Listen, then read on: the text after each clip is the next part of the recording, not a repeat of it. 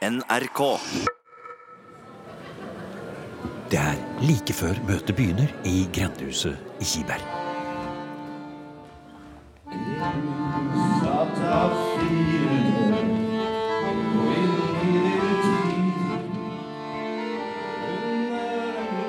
Det er fullsatt, kaffe og vafler og Nordahl Griegs kringsatt av fiender som allsang. Men vi starter noen timer tidligere, i bilen til Harald Sunde, på vei fra Kirkenes og rundt hele Varangerfjorden. Landskapet er stort, mektig, goldt og fascinerende. Og i bagasjerommet ligger den nye lokalhistoriske boken I partisanenes fotspor. Ja, det er jo en sånn liten alternativ eh, guidebok hvis man har lyst til å utforske eh, Finnmarkskysten utenom, eh, litt, litt utenfor allfarvei. Så jeg har prøvd å systematisere litt av den historiske informasjonen som lå i allerede skrevne bøker og artikler. Så jeg har jo i veldig liten grad dukket ned i arkiver og, og, og den slags. Det, det får historikere gjøre. Men setter man sammen på en måte det, det som er skrevet om partisanvirksomheten i andre bøker, så, så, er det jo samlet sett ganske mye som, som, er skrevet. Men det er kanskje litt fragmentert og litt uh, vanskelig å få med seg helheten. Så jeg har prøvd å systematisere dette her på en litt annen måte. Og så, som du sier, så har jeg vært ute og gått i naturen etterpå og vært på tur og, og hatt med venner og, og familie og, og, gått på leiting. Og, vi har funnet veldig mye spennende. Vi har funnet uh, oppholdssteder, og vi har funnet både håndgranater og, og batterier og, og, og gjenstander.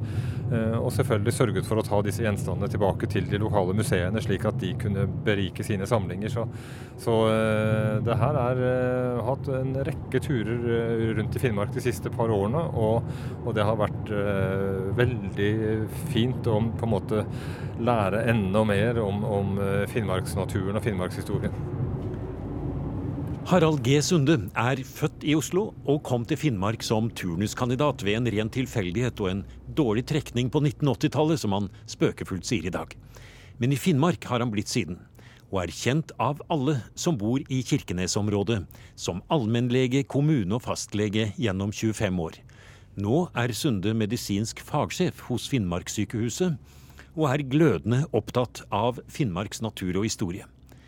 I museum har vi tidligere møtt Harald Sunde da han fant partisanhula på Øretoppen, som for øvrig heter Bjellatsjokka på samisk, et navn som Sunde også har gitt sitt lokalhistoriske forlag. Inntektene fra boksalget går til merking av ruter og opplysningsvirksomhet, og sikkert nye lokalhistoriske prosjekter. Selv om krig og historie absolutt ikke var noe Harald Sunde var opptatt av før. Nei, jeg syns historie på skolen var forferdelig kjedelig. Og det som var det, det, det, nest kjedeligste faget, det var norsk stil. Sånn at det at man da skal eh, noen år etter sitte og ha skrevet en eh, egen, være forfatter på en bok om historie, det er jo ganske paradoksalt. Men, eh, men nei, det, det, er klart at i hvert fall min interesse her i Finnmark den gikk jo først i retning av andre deler av historien, og så eh, skjøv jeg denne krigshistorien litt til side, for jeg syns den var eh, brutal og, og, ikke så veldig interessant. Men så etter hvert så Man klarer ikke å på en måte dykke ned i finnmarkshistorien uten at andre verdenskrig blir en, en viktig del av Eller at den stadig vekk kommer tilbake. Og det, det, har jo vært Når jeg på en måte nå har gått i partisanenes fotspor og prøvd å finne ut hvem de var, hvor de lå, hva de gjorde, så uh, har jeg banket på en god del dører og ringt på en god del telefoner og, og fått uh, historien fra folk som kan historien langt bedre enn meg, og som hadde personlig kjennskap, eller hvor deres slektninger ha, har vært berørt av den historien på en måte. Og, og, det har jo vært veldig mange spennende møter, veldig mange interessante møter, og, og ikke minst har det vært veldig hyggelig at uansett hvilken dør jeg har banket på, eller uansett hvilket telefonnummer jeg har eh, ringt på, så har svaret vært ja. Vi skal bidra, vi skal hjelpe. Riktig god eh, ettermiddag. Vi har felles ettermiddagssending med Troms, Finnmark og Svalbard denne ettermiddagen. På veien rundt Varangerfjorden i bil med Harald Sunde, på vei til boklansering i Kiberg, stanser vi både her og der. Harald Sunde kjenner alle. Vi stopper hos mange av bidragsyterne, hvor Harald slår av en prat og gir fra seg et rykende ferskt eksemplar av den nye partisanboka som takk for hjelpen. Det har vært et stort detektivarbeide å finne fram til i alt 23 av partisanenes skjulesteder, fra Varanger til Nord-Troms. I boken er det kart, GPS-posisjoner og turbeskrivelser, i tillegg til en detaljert fortelling om hva som foregikk under krigen på hvert enkelt av de forskjellige stedene. Partisanenes innsats, deres offer og mangelen på anerkjennelse etter krigen vekka interesse hos lege og forfatter Harald Sunde. I ettermiddag så lanserer han boka i Partisanenes Det begynner å bli mørkt når vi runder Nesseby, og snart starter møtet i Kiberg. Men Harald får lagt inn et stopp hos NRK Finnmark i Vadsø. Og resultatet hører vi i bilen på vei utover. Harald Sunde, lege og forfatter. Hvorfor ville du skrive en bok om partisanene, og til og med gå i fotsporene? For det er det du har gjort? Ja, jeg har vært rent fysisk og gått i fotsporene og vært ute langs rundt hele Finnmarkskysten. Og for så vidt også både øst for Finnmark i Russland og vest for Finnmark i Arnøya og på Arnøya i Troms og, og, i, og i Tromsø. Og så var det selvfølgelig det som også bidro til mitt engasjement, var jo regjeringens dekorasjonsnekt av denne gruppen. Da de på begynnelsen av 2017 besluttet at ingen av partisanene skulle få medaljer for sin krigsinnsats, så eh, var vi mange i Finnmark som var skuffet. Og, og, da tenkte jeg ja, hva, hvis man kan gjøre noe positivt for denne gruppen, så kan man jo f.eks. skrive en bok. Så eh, Erna Solberg har definitivt en aksje i denne boka. Harald Sundes bok 'I partisanenes fotspor' forteller detaljert om etterretningsoppdrag langs hele Finnmarkskysten og ned til Arnøya i Nord-Troms, hvilke hjelpere de hadde på de forskjellige stedene, og ikke minst hvordan det gikk da Wehrmacht og Gestapo gjennomførte flere store aksjoner mot partisanenes nettverk under krigen. Mange partisaner og sivile hjelpere ble skutt i kamp, henrettet eller sendt i konsentrasjonsleirer. Noen av aksjonene er det blitt fortalt om i tidligere museumsprogrammer, og det er bare å søke blant museums podkaster, så kommer det opp programmer med både Harald Sunde, Morten Jentoft og Jakob Mikkelsen i Kramvika. Men ett sted stopper vi like før vi kjører inn i Kiberg. Helt nede ved Varangerfjorden ligger Langbunes og Komagdalen. Vi parkerer så nært vi kommer, og i mørket og vinden hører vi Varangerfjorden slå inn i fjæresteinene. Ja, Harald, her er det liten kuling. Og her er det Heldigvis så kommer vi oss inn bak en liten sånn rød sjøbu her, som vi står nå på en brygge og ser utover Varangerfjorden. Eh, like her eh, borte så er eh, Lambudnes et, eh, et, kjent sted for partisanene. Ja, det var denne første store eh, gruppa på 13 mann som ble satt i land her i september 1941. Det kom med ubåt, og så da, la ubåten seg til i overflatestilling like utenfor land. og måtte helst gå inn på steder hvor det var eh, brådypt, så det kunne huse en ubåt.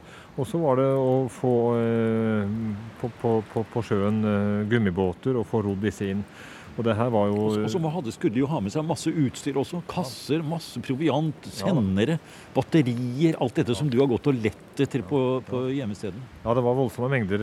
Og, og 70 kasser var det et sted. ikke sant? Så det var jo veldig mye utstyr som skulle i land, og de var helt avhengig av å ha rimelig bra vær. Og det var det jo ikke. Man ser jo i mange av disse historiene her så skjer det jo store ulykker i ilandsettelsen. At de mister både utstyr og folk. og, og og selv på en dag i dag, når vi er i slutten av oktober, så er det jo kjølig og hustrig her. Og hvordan det da eh, er midt på svarte vinteren i januar-februar, når de ofte ble satt i land, det kan man jo bare forestille seg. Det passer egentlig ganske bra her som vi står nå. Hvis vi går litt bort på kanten her, og så ser vi utover her nå, så blinker det et fyr, og det er Ja, vi hører jo hvordan eh, sjøen slår her. og ja, nei, det var eh, en, en umenneskelig innsats, det de, det de, gjorde. Og selvfølgelig med fare for eget liv. Og, og, og nei, det, man kan ikke helt forestille seg hvordan det kan ha vært midt på vinteren. Selv om historien om partisanene i Finnmark har blitt godt kjent etter hvert, takket være mange lokale historiske bøker og artikler, og ikke minst etter at både kong Olav og kong Harald har uttrykt sin respekt for krigsinnsatsen de gjorde, er det nok likevel på sin plass med en liten faktaramme. Hvor mange var de, og hvor kom de fra? Ja, Det var eh, høsten 1940, etter at kommunistpartiet var forbudt i Norge. Så var det en stor gruppe folk, særlig fra Kiberg, men også fra Sør-Varanger og andre steder i Finnmark, som reiste over til Fiskedaløya som flyktninger. Ca. 100 personer. Og de kom jo Og det var menn og kvinner og barn og alt som var? Menn og kvinner og barn, hele familier som dro over dit. Hva skjedde når de kom over? De ble arrestert. Det var da naturlig nok foretatt en ulovlig krysning inn i Sovjetunionens territorium, og de ble arrestert og avhørt først. Men etter hvert så skjønte jo Sovjetunionen at dette var personer som kom med fredelig hensikt. Eh, og at de til og med kunne brukes. Eh, sånn at mennene ble da, eh, de som ville, ble trent opp i partisanvirksomhet i en leir som het Lavna, og som ligger på vestsida av Murmanskfjorden. Og så ble de derfra sendt ut som i små grupper ut til Finnmarkskysten. Men kom det partisaner også fra andre steder enn Kiberg over til sovjetsiden? Ja, det var flere som kom fra Sør-Varanger. Særlig fra Jakobsnes-området utenfor Kirkenes var det mange som kom. Men også noen fra Tromsø, noen eh, ihuga kommunister derfra som reiste over. Men eh, først og fremst var de fra Kiberg. Mm. Hvor mange til sammen regner du var partisaner i hele denne partisanoperasjonen under annen verdenskrig? Hvilket, hvilket tall er det du har da kommet frem til? Ja, Det er nok ikke bare jeg som har kommet fram til det, men det er i hvert fall sånn at det har vært operert med et tall rundt 45 eh, slike etterretningsagenter, partisaner. Eh, det har vært brukt tidligere. Men hvis man da tar med alle de norske hjelperne som hjalp til i leiren i, på russisk side, altså sovjetisk side, og også tar med både ubåtloser og eh, lokale agenter i Norge og hjelper i Norge, så kommer vi opp på et tall som nærmer seg 200 personer som deltok aktivt i denne motstandskampen. La oss bare ta en liten kikk til rundt hjørnet her og prøve å sette oss inn i det vi begynte med å snakke om. Altså en uh, mørk og kald og strevsom ilandstigning her i Varangerfjorden med den aller første gruppen som besto av hele 13 personer. Uh, hvordan gikk det med den gruppen? Ja, de ble oppdaget, og eh, en av dem ble skutt og, i kneet. Og han endte opp med å ta sitt eget liv for ikke å bli, for ikke å bli arrestert. Eh, de andre la på sprang og eh, telegraferte etter hvert til eh, Russland og sa kom og hent oss. Og det ble gjort en avtale om at de skulle bli hentet, og de kom seg ned til dette Langbunes, det samme stedet hvor de var blitt satt i land. Som er rett her borte. Som er rett her borte, ja. Og, og, men ubåten kom ikke. Uh, og uh, tyskerne oppdaget dem der, og det var nye kamper og nye dødsfall. og Denne gruppa delte seg i to. og uh, Den ene gruppa dro da til Kramvik, til Jakob Mikkelsen, der de gjemte seg under golvbordene. De, de, reiste på en måte tilbake igjen til Kiberg, hvor de hadde ja. kommet fra, rett og slett? Mm. Ja, de, der kjente de folk, og der gjemte de seg. Og så tok de og tjuvlånte båten til, til husbonden, og så satte de seg i den. Og med et lite lommekompass så Eh, og frisk kuling, så satte de seg i båten og kom over til Fiskeradøya. Fytte katta, altså. De er ute i mørket som vi står her nå. Rett ut i det samme mørket som vi ser nå. Fytte. Og de skulle tilbake. De ga seg ikke. altså. De skulle tilbake. Og de ble sendt ut på nye oppdrag. Mm. Ja, nei, de, de, de, som sier, de ga seg ikke, men de måtte jo prøve å komme seg i sikkerhet. Og da var det å komme tilbake til Sovjet var nok en god måte å komme i sikkerhet på. Men at de turte å hive seg ut i en liten båt på svarte natta uh, i så åpent farvann, det er helt utrolig. At de kom fram uten å gå rundt og, og, og miste livet på sjøen, det er helt utrolig. det også.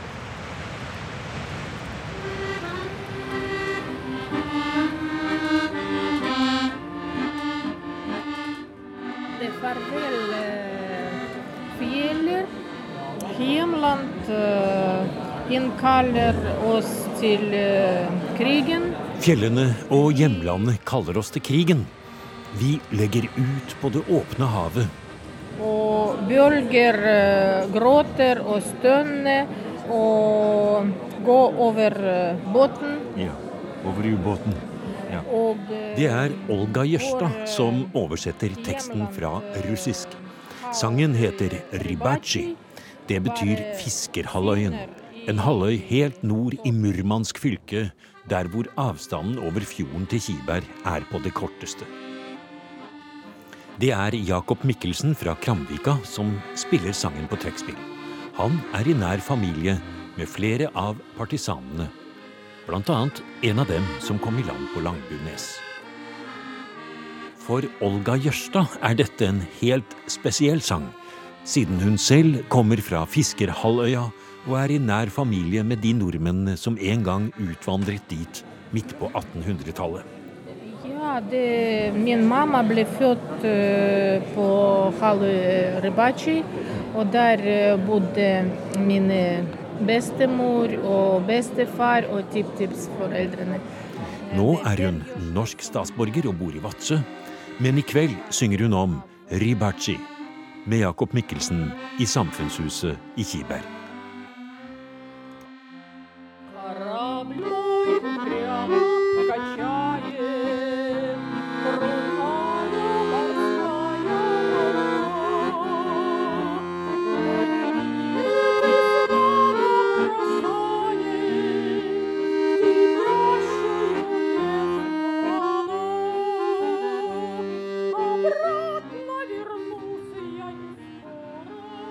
Steinar Borch Jensen er en av veteranene i historielaget Kiberg. Han har vært guide og lokal kjentmann for Harald Sunde, og har i mange år arbeidet for Partisanmuseet og for å spre kunnskap om krigen i nord og innsatsen til partisanene. Nå står vi utenfor grendehuset i Nysnøen og snakker om at det ikke er så lett å forstå hvordan så mange familier brøt opp og flyktet over til Sovjetunionen under krigen. Ja, det, det, var jo, det er ikke så ukjent at i Kiberg og Berlevåg det var jo veldig mange kommunister, i tillegg til Sør-Varanger. Og mange av dem sympatiserte med Sovjet på den tida. Og det var mye fattigdom. Og de, eh, hadde jo, de, mange, de dro jo over for å hente agn og forsyninger på, på russisk side. Det var som uh, grensene ikke var lenger. Hvor langt da er det over til Fiskeralløya Fiskerhalvøya herfra? Det er 55 km fra Kiberg. Det var eh, ja, borti, litt over 50 mennesker fra Kiberg som dro over. Hele familien. Og den første som dro, han var jo leder i kommunistpartiet. Og det som hadde skjedd, det var jo at Jonas Lie hadde registrert alle. Og det, arkivet hans ble overlatt til tyskerne. Så de var jo bare og plukka de de ville ha, og da følte de det at det var såpass trua at de begynte å planlegge en, en tur å reise over med familien. Han som reiste først, han, eh, Alf Mikkelsen, han, reiste, han rodde alene på 17. mai 1940.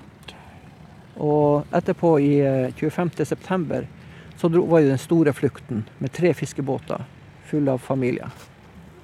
Og i november reiste den siste gruppa, da, som var av litt større omfang, da, med 19 personer.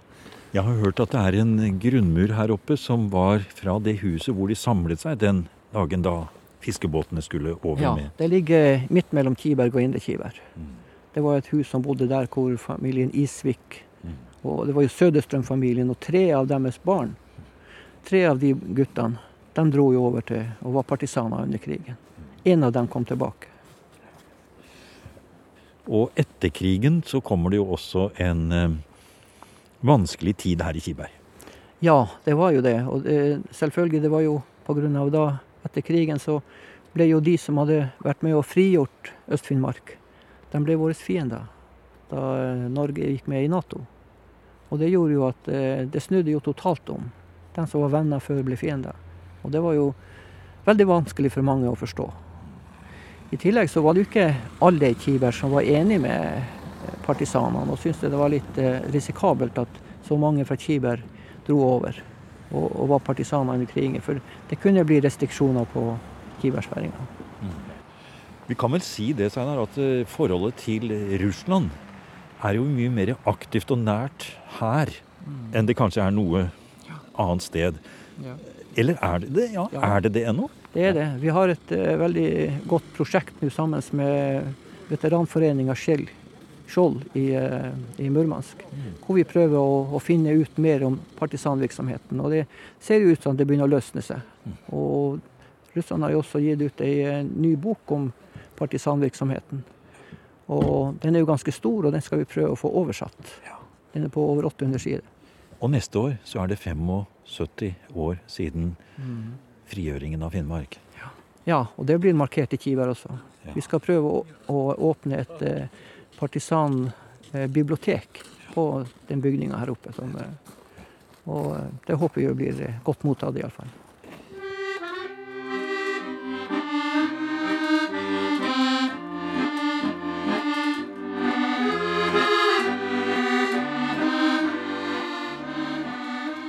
Etter at det er slutt for kvelden i Grendehuset, og Harald Sunde har reist videre til litteraturfestivalen i Alta, skal vi få bli med til et lite hus et par steinkast borte. Der bodde en av de mest kjente partisanene, Trygve Eriksen, som fikk to høythengende medaljer fra Sovjetunionen, pluss den norske deltakermedaljen, sendt i posten 40 år etter. Hører vi bølgene fra Varangerfjorden slå inn her? Det er naturens sang fra sjøen. Det er, eh, det er bare så vidt du hører bølgeskvulpet, men når det er storm ute og bølgene slår mot eh, stranda, da, det, da, hører du det på innsiden av huset også. Det er veldig beroligende og avslappende. I dag er det barnebarnet Trond Henriksen som eier det lille huset. Hans mor var datter av Trygve Eriksen og var med familien til Russland da de flyktet. To av rommene leies ut til turister i sesongen for å skaffe inntekter til å restaurere huset. Og, sier Trond Henriksen, det gir en spesiell mulighet til å fortelle om partisanhistorien. Nå lukker vi opp døra til et hus som jo ikke er bygd av russertømmer lenger, for det er litt av historien her. Men det er noe inni veggene her. For du har begynt å restaurere dette huset du, Trond? Ja, og her er det Altså, de rev eh, hus og fjøs som var bygd av russetømmer. Og så bygde de nytt hus av eh, tyske materialer etter krigen. Det huset ble vel starta påbygging like etter krigen, når de kom fra Russland. Ja, for huset er jo ikke helt sånn regelmessig på utsiden. Det, det er litt viltvoksende fløyer og saker og ting, og det er jo veldig sjarmerende med huset. Ja, det er litt russetømmer i dette huset, og mest uh, solid uh, tysk plank. Aha, tysk plank, ja. Ja, for dette huset ble bygd av rester etter tyskerne når de forlot uh, Varanger og Kiberg. Ah, Forskalingsmaterialer, ja. andre typer ting som de brukte på Festung Kiberg. Ja. Som da lokalbefolkningen brukte på nytt i husa. Ja, det er faktisk det. Og så fortsatte de med hver gang det de fant materialer etter skip som måtte kaste dekkslasten i uvær. Så var de i fjæra og samla materiale. Så ble det et lite påbygg. Så ble det påbygg, ja. Og det kan vi se på huset. Vi må, ta oss, eh, vi må, ta oss, på bena her, Trond. For det, vi kommer inn til deg her nå. Det er Men hva sier turister og andre som kommer hit da, når du begynner å fortelle om partisaner og sånn? Er det noen som vil høre om det? Ja, det er faktisk mange eh, som er veldig interessert og lytter veldig til uh, historiske historien. Familien min fortalte veldig lite fra, fra krigen, men min mor fortalte litt om tilværelsen i Sjadrinsk i, i, Russland. De bodde jo ja, nærmere fem år i uh, på en uh, grønnsakfarm, frukt- og grønnsakfarm i uh, en liten by som er Tsjadrinsk, bak Uralfjellene, langt unna krigen. Det vi forteller om nå, er jo egentlig nesten bare en positiv historie.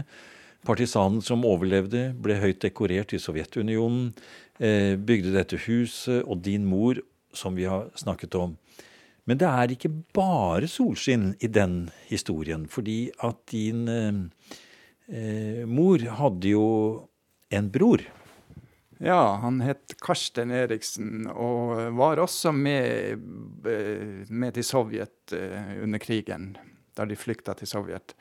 Og han var ti år gammel da de flykta, og 15 år når, kom når han kom tilbake. Og han ble henta til avhør av overvåkningspolitiet muligens flere ganger. Han snakka ikke så mye om, om det, men Etter krigen, selvfølgelig, snakker vi nå når han var tilbake i Norge. Ja. Vi snakker om overvåkning av eh, stort sett alle partisaner og partisanunger og mistenkelige og alt det. Så det, han mente sjøl han ble forfulgt i mange år etter krigen, av fysisk eh, av eh, overvåkere. Trygve Eriksen var nok en litt mer en annen type menneske, litt mer hardhaus. Hans sønn var litt mer en følsom type, og han ble rett og slett skada og uh, psykisk skada med mange års overvåkning. Så han ble syk. Og uh, de som var og Det er ikke bare Karsten, men det var flere som ble syke. Altså, de hadde flere tiår med overvåkning og forfølgelse. Og etter det kom kanskje sykdommen. og det, hele historien betyr veldig mye for meg. Jeg prøver å, å, lese det jeg ikke har lest før. Og prøver å, å finne ut mer av den historien. Uh, men det, det, som jeg syns er veldig fint og veldig uh, Og som gjør at jeg ja, orker å drive på videre, det er at jeg kan fortelle den historien til uh, folk fra hele verden. Og mange er veldig interessert, og mange har aldri hørt om denne historien fra nord, som, eh, som er en veldig interessant historie, og viktig historie for hele Norge. Den er bare for tida. Du har nå hørt en podkast av programmet Museum fra NRK P2. Og send gjerne en e-post til museum krøllalfa nrk.no.